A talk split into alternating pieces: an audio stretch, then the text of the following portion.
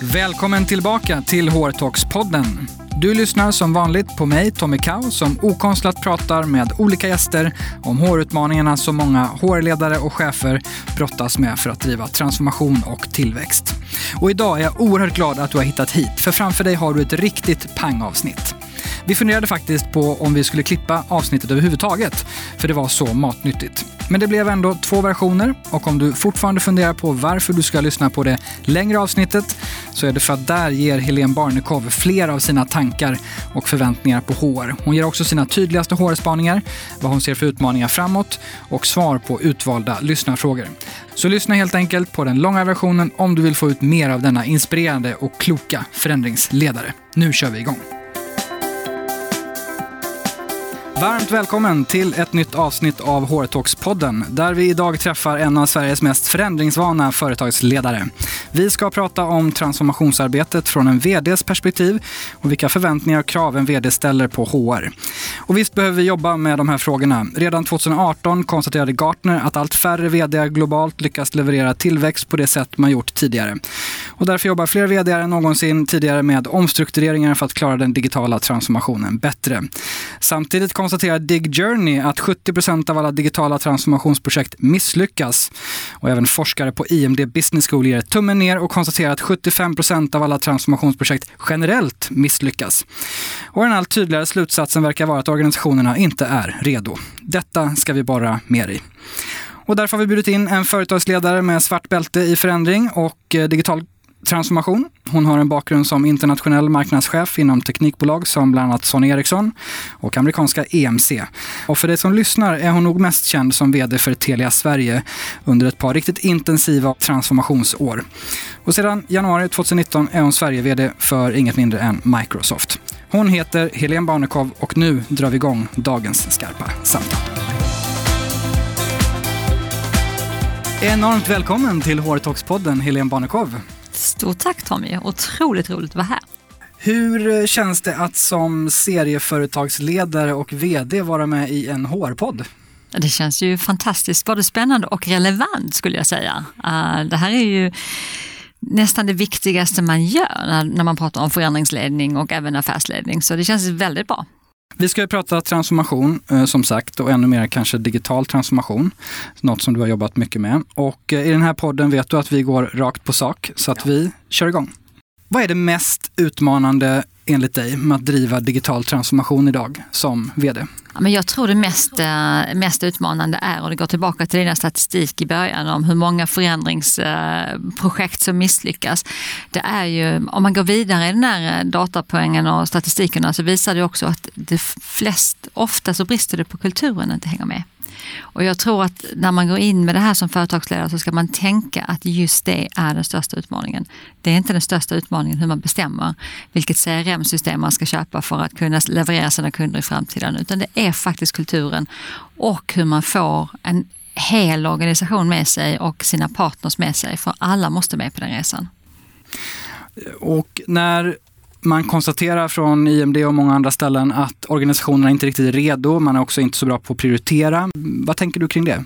Jag tänker på att det är på ett par plan. Det första planet är att man inte är redo därför att man inte är tillräckligt bra på att göra storytelling om visionen och var ska man någonstans. Så man, gör inte, man förstår inte vad det är man är på väg. Man förstår inte heller varför det är spännande att vara med på den resan. Jag tror att det, är, det låter basic men jag tror det börjar där och där tror jag att vi som företagsledare har ett jättestort ansvar att, att verkligen göra det.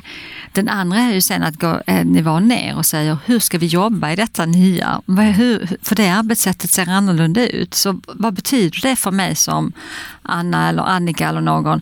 Vad betyder det? Hur, hur ska det se ut? Och sen den tredje är självklart då att se till att man, att man får de, de kompetenser man kanske behöver utbilda sig, man kanske behöver andra redskap, man behöver kanske sitta någon annanstans och jobba, vad det nu än är, så att man ger faktiskt redskap till folk och då blir man redo tror jag. Så mer av en kultur och ledarskapsutmaning än en ren affärsutmaning att driva mm, transformation? Mm. När jag var med och startade Sveriges första internetkonferens för HR-chefer 2012, då handlade frågan kring digitalisering digitalisering kopplat till HR väldigt mycket om att få HR på banan att både kunna och gilla teknik. Eh, och att förstå att HR höll på att bli science. Mm. Eh, och nu sju år senare så är vi förbi det, ganska långt förbi det, eh, förhoppningsvis i de flesta organisationer. Och vi är tillbaka att det handlar om människor människor och kultur. Eh, och det är lite intressant. Många verkar ha förstått att digitalisering och digitala möjligheter handlar om att flytta människor. Det är inte företag som förändrar företag. Det är inte företag som anammar ny teknik utan det är människor som gör det och förändras. Intressant resa på sju år. Det är verkligen intressant. Om vi håller oss kvar lite kring kultur. Vad är viktigast för Helene Barnekow som VD när det gäller företagskultur? Om man ska liksom bara göra det jätteenkelt. Jag tror när man driver förändring eller om man har förmånen att vara ledare så handlar det ju om att faktiskt driva en kultur som man själv kan leva upp till. Jag tänker att det nästan är det allra, allra viktigaste.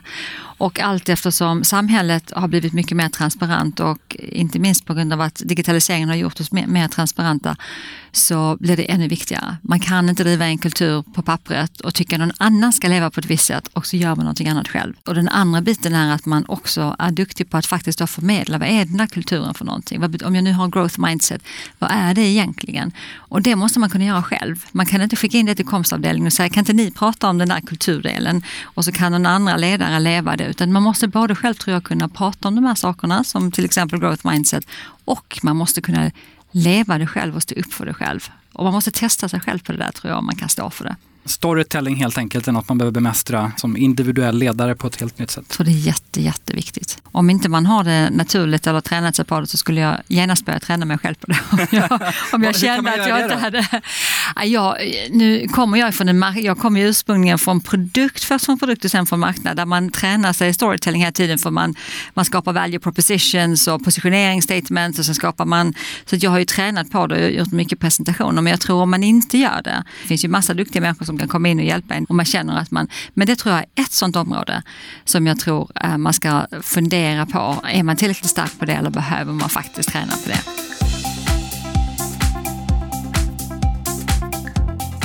Du har varit i bolag där ni har jobbat ganska mycket med att förändra kulturen också. Vad är dina erfarenheter och, och kanske främsta knep för att göra det? Alla organisationer man går in i som ledare så är man ju på olika ställen och man behöver olika saker. Så det första är faktiskt att det första jag gör det är att jag tar massor av möten där jag bara letar insikter och bara lyssnar, lyssnar, lyssnar och letar insikter. För man måste möta organisationen där de är. Så jag tror den första grejen är att förstå var är organisationen, vad är det för mindset och sen är det ju att förstå affären och förstå vad är det jag behöver göra med det här företaget för att ta det in i framtiden eller ta det, ta det på någon annan resa. Och så ska man koppla ihop de här två. Och där brukar jag ju då säga att då måste man skapa en förändringsplattform som, som man vill vara med på. Eh, skapar man en förändringsplattform och säger att vi ska skära kostnader för vi har inte rätt lönsamhet. Det är inte jättemånga som rusar till jobbet på måndag morgon för att höra den, eh, den, den liksom company meeting speechen. Utan vad är det för förändringsplattform man ska vara med på? Eh, och jag tror att det, det börjar där och då börjar man samla upp folk där de är och man förstår var det är man ska gå någonstans och man förstår vad, vad, är, vad är förändringen som, som sätter igång här. För en förändring är, det är inget projekt. Det är inget stopp och start. Första juli börjar vi och den 30 juni slutar vi. Utan det är en rörelse man sätter igång. Som sen en massa människor måste, måste vara med och elda på. Och då måste man förstå vad, det, vad är den där förändringsplattformen tror jag. Och du har sagt tidigare att i, i en transformation av kultur så måste varje enskild människa ta ansvar för den förflyttningen. Det är inte bara någonting som företagsledning och ledning kan göra.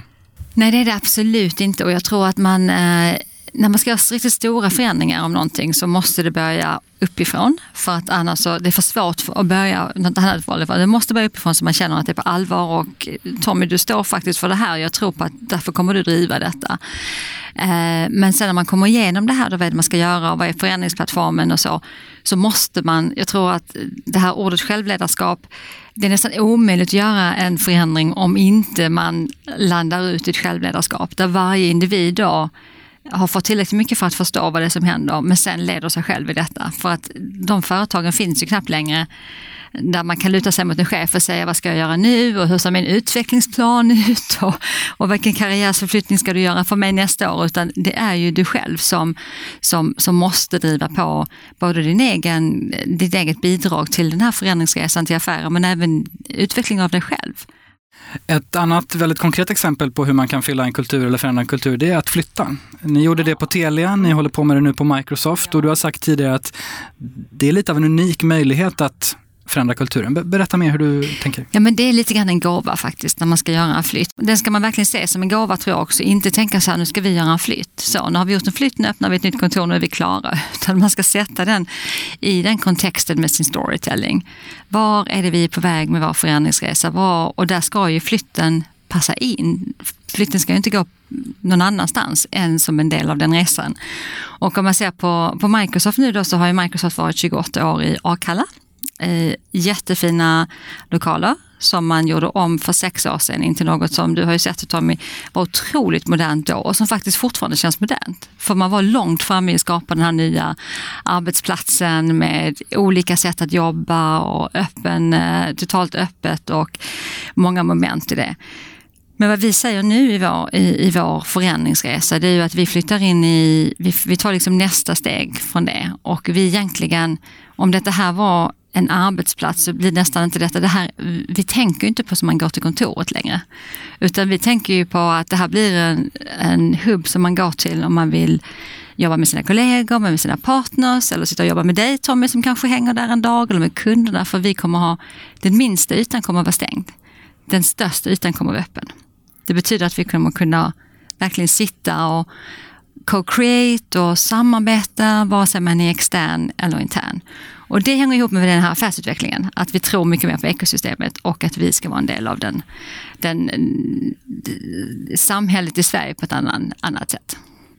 Du har också sagt att i en sån flytt så har alla ansvar att fylla väggarna med, med nya saker.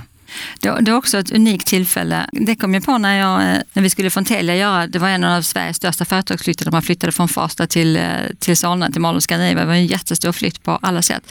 Och då så sa alltid folk så här, det här sitter i väggarna, för har vi suttit i mer än 50 år.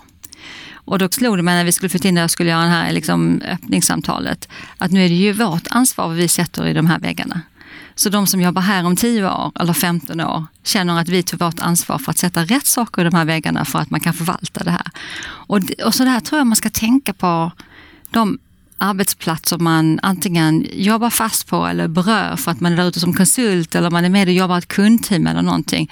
Vad är det man själv bidrar med för att sätta in i den kulturen, i de väggarna som då är, har är positivt för det företaget. Jag tror man ska känna att man har ganska stort ansvar bara genom att man, att man agerar, som, agerar och tänker och interagerar på de här arbetsplatserna.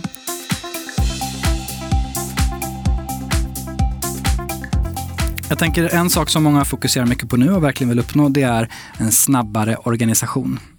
Eh, helt enkelt, man vill få upp hastigheten. Jag vet inte om du känner till det, men det finns en fantastisk graf från eh, Deloitte som heter eh, Rate of Change Curve förändringshastighetskurvan på svenska. I korthet kan man ju säga att det är fyra exponentiella kurvor i lite olika lutning där den, där den första och snabbaste kurvan eh, är hur teknik förändras.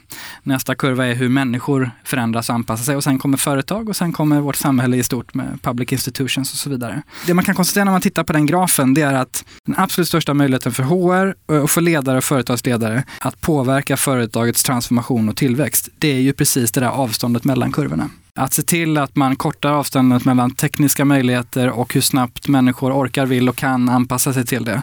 Eftersom återigen, det är inte eh, företag som förändrar företag, utan det är människor. Om vi vill öka speed i våra organisationer, vilka knappar eh, trycker du på då? Eh, eller tror du veta att du behöver trycka på för att det ska ja, hända? Men det är ju en intressant kurva och det, är en, det här är en av de viktigaste frågorna. För att en av de viktigaste frågorna för att öka speed det är ju vad du och din organisation gör med din tid. Och därför har jag dem, det här kom jag inte på från början, det var de senaste tio åren jag började bli väldigt, väldigt mindful med vad gör jag med min tid? Och det som jag ber min organisation att göra, vad, vad har det för konsekvenser på hur de spenderar sin tid? För det här är ju det som sätter takten i ett företag. Och jag tror man ska vara otroligt medveten, speciellt i ledarroller, vad det är man faktiskt sätter igång i sin organisation. Så att ett par saker som, jag, eh, som ligger mig um, varmt om hjärtat, det är att tänka på i sättet som vi nu jobbar. Eh, jag säger till mitt team här nu, vi ska minska tid på reviews och vi ska öka tid på coaching av teams och hacking. Om du bara tar det som ett exempel. Så ta ner så många timmar du kan på de här reviewerna. För varje gång du sitter i en review så har någon suttit och förberett timmar på reviews. Och vad innebär det? Att de har spenderat mindre tid för att faktiskt komma fram till saker som göra en skillnad för dina kunder eller dina medarbetare eller någon annan. Vi spenderar för lite tid att faktiskt vara mindful om detta. Jag tror den är jätteviktig. Jag ska ta ett exempel på vår ledningsgruppsagenda nu så har vi tagit bort en massa reviews och har vi lagt in eh, business hacking en timme varje gång vi möts. Och då bestämmer vi vad det är vi ska hacka för någonting de, varannan vecka på den här timmen. Och då kommer det in folk från organisationen ut i, i teamen som är duktiga på saker och så är det det vi fokuserar på. Istället för att sitta och reviewa siffror eller pipeline eller någonting annat. Det speedar upp saker till exempel. Vad, vad kan man göra då? Vad det, vad, kan, hur kan en hacking gå till? Det kan till exempel vara att, eh, och nu kan, vi hade ju faktiskt en i veckan som var helt grymt bra. Ja, då har vi en, eh, jag kan inte säga vad det är, men då har vi ett område där vi eh, vet att vi har en jättemöjlighet och vi har bara tagit en del av den möjligheten, för vi har inte kommit igenom på det sättet som vi har gjort hela vår go-to-market och hela vårt sätt att komma igenom eh, med den, det erbjudandet vi har. Och då går man in i en ledningsgrupp då så har man alla olika disciplinerna och man har en massa bright minds och man har massor med engagemang. Så det tar ungefär 10 sekunder för engagemang.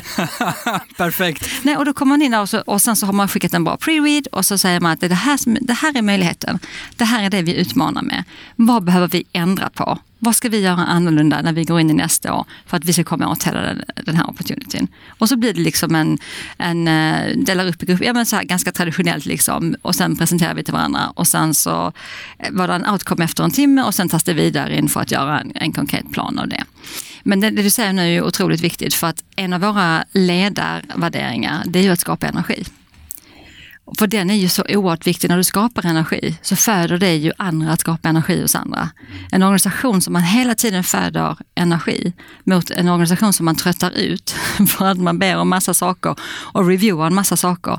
Det är klart att det blir två helt olika resultat av de organisationerna. Så just den här hur man också, den här hastigheten som, som, som skapar energi också, utan att stressa ihjäl folk. Allt det här liksom att det går så snabbt nu och ändå så vet vi att det kommer aldrig gå långsammare. Då kan man ju få en panik om man tänker så. Men liksom att man gör det till något konkret. Där man faktiskt ger folk den tiden att göra saker som kan snabba på besluten.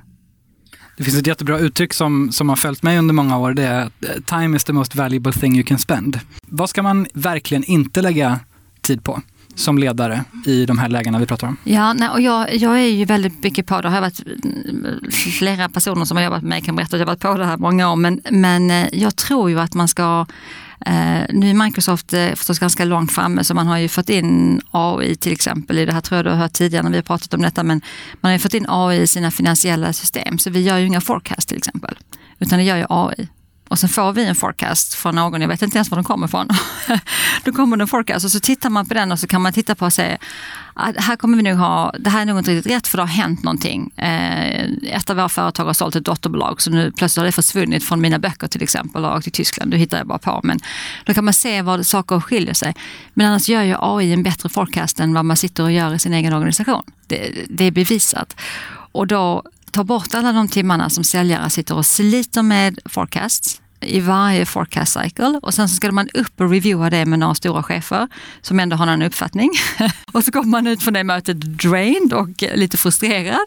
Och sen går man ut och säljer och får lite energi igen. Men, så jag tror liksom man ska, man ska leta efter de där sakerna och göra mindre av de där. Internmöten som inte är med och antingen skapar någonting eller är med och coachar och utvecklar medarbetare. De ska man försöka att minimera tror jag. Apropå tid, hur spenderar du din egen tid? Ja, men jag har ett sånt här knep nu som har varit, varit med ett tag. Att jag, och det kan variera lite grann eh, vilket jobb jag går in i. Men som, jag försöker lägga en sån här 50-30-20-regel någonstans. Så kan det variera lite grann. Där jag då bestämmer mig för att ungefär 50 procent ska jag kunna spendera externt. Och det är det både kunder och sånt här som du och jag gör idag. Där jag får inspiration, lär mig, växer, är med och pratar om Microsoft eller annat. Eh, 30 procent ska jag kunna ha för medarbetartid. Antingen för att hacka saker, vara med och utveckla saker eller coacha coacha medarbetare och försöka hålla min review-tid till 20 procent.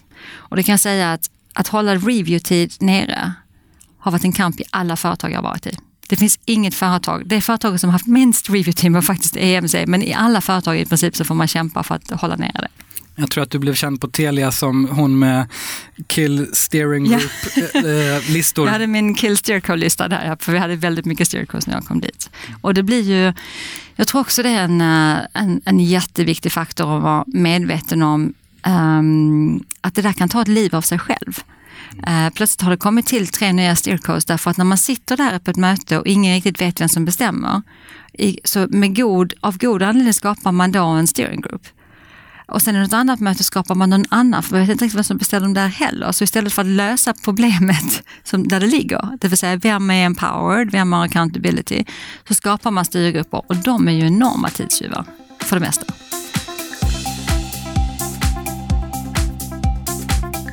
Vi kommer in mycket på ledarskap. Och eh, du har sagt att när det gäller just ledarskapet som behövs kanske mer imorgon så förändras nästan allt i ledarskapet. Eh, kan vi utveckla det lite grann?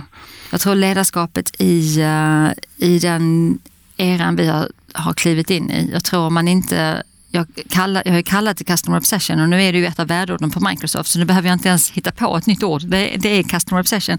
Jag tror företag som inte är Customer Obsessed eh, i sitt ledarskap. För det för mig är det en ledarskapsfråga. Det är ingenting för säljavdelningen utan det är en ledarskapsfråga och någonting man bygger in i kulturen. Och är man inte det så tror jag att man, att man tar väldigt stora risker. Och det har ju att göra med att alla kunder kan ju jämföra dig med precis vem som helst. Det finns ju inga, det finns ju inga murar längre utan du blir ju jämförd med en Coca-Cola eller Spotify eller vem som helst. Och därför, om inte din organisation faktiskt är customer obsessed, så tror jag att man, man tar risker. Så jag tror det börjar faktiskt med customer obsessed.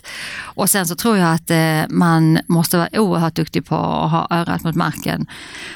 Eh, och ha, det är lite grann också en attityd, att man, att man är nyfiken och att man vill veta vad som händer och att man är på och att man inte begränsar det till vad man brukade göra tidigare. Och skulle jag säga en tredje sak utan att göra en alltför lång lista så skulle det vara att eh, det här är väldigt stora fokus på teamet och eh, dina medarbetare. Och vi, du har pratat om eh, medarbetarbesatthet eller talentbesatthet vid något tillfälle.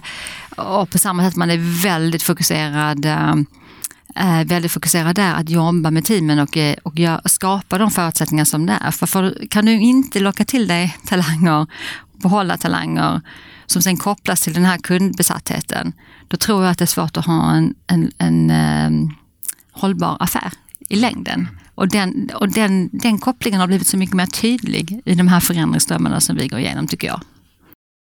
När vi träffades för ett tag sedan så frågade jag dig vad du ser som den största ledarutmaningen just nu.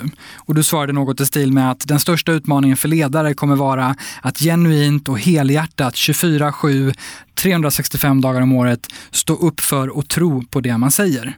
Att så att säga alternativet inte finns längre för du blir, du blir genomskådad. Utveckla gärna den där tanken lite. Ja, no, det där låter ju nästan som man inte vill vara ledare då, när du säger det på det viset.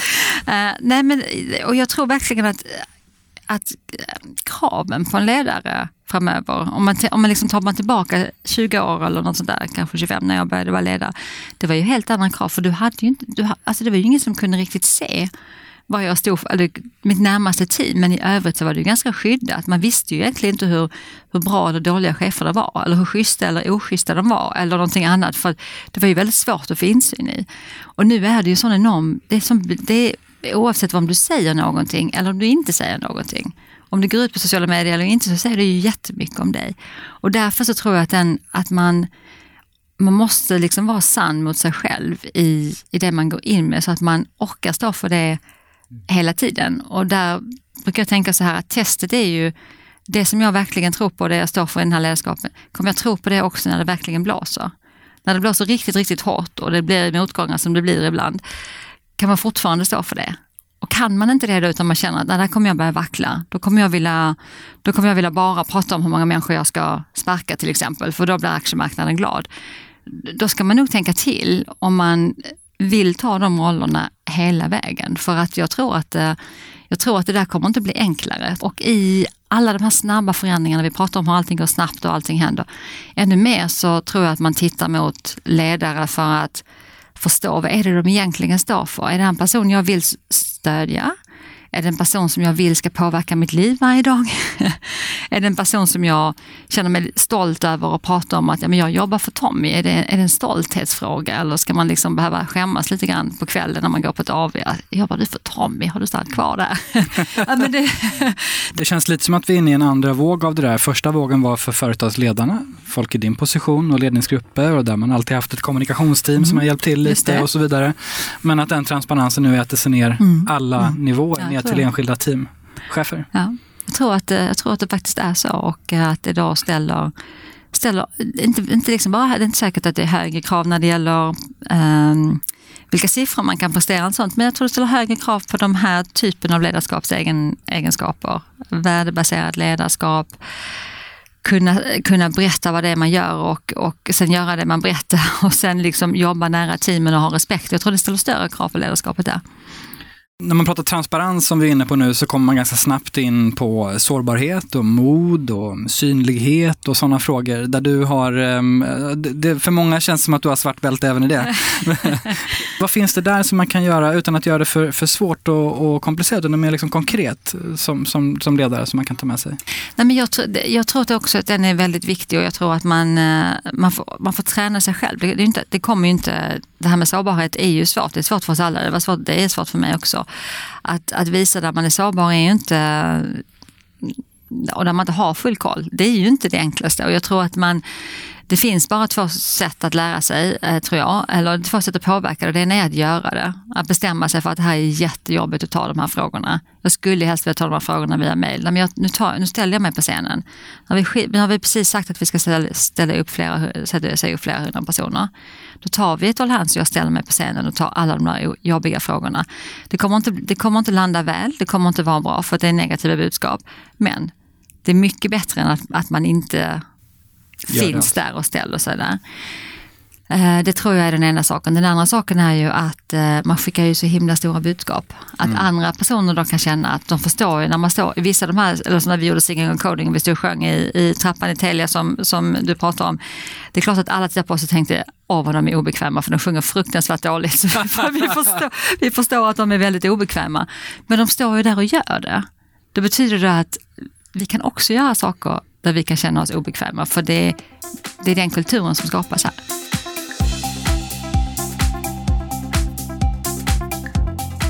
Om vi går över och pratar HR. I den här eh, världen som du precis beskriver, vad har du som företagsledare och VD för förväntningar och krav på, på HR? Vad behöver HR göra och bidra med? Ja, men de har ju också ökat jättemycket. Om jag tänker på liksom mina första HR business partners som hade sina första chefsjobb som handlade mer om att hjälpa en med processerna när det var lönesättning eller rekryteringsprocesser eller så här. Så det är ju också ett helt annat jobb skulle jag säga som jag, som jag ser på det. För mig är de ju oerhört viktiga om man pratar om Um, hela den kulturresan, man, och, uh, inte minst om man tänker på att den här, mycket av din förändringsresa faktiskt drivs av en kulturresa. Och så är ju faktiskt Microsofts resa startade med en kulturresa, exakt så.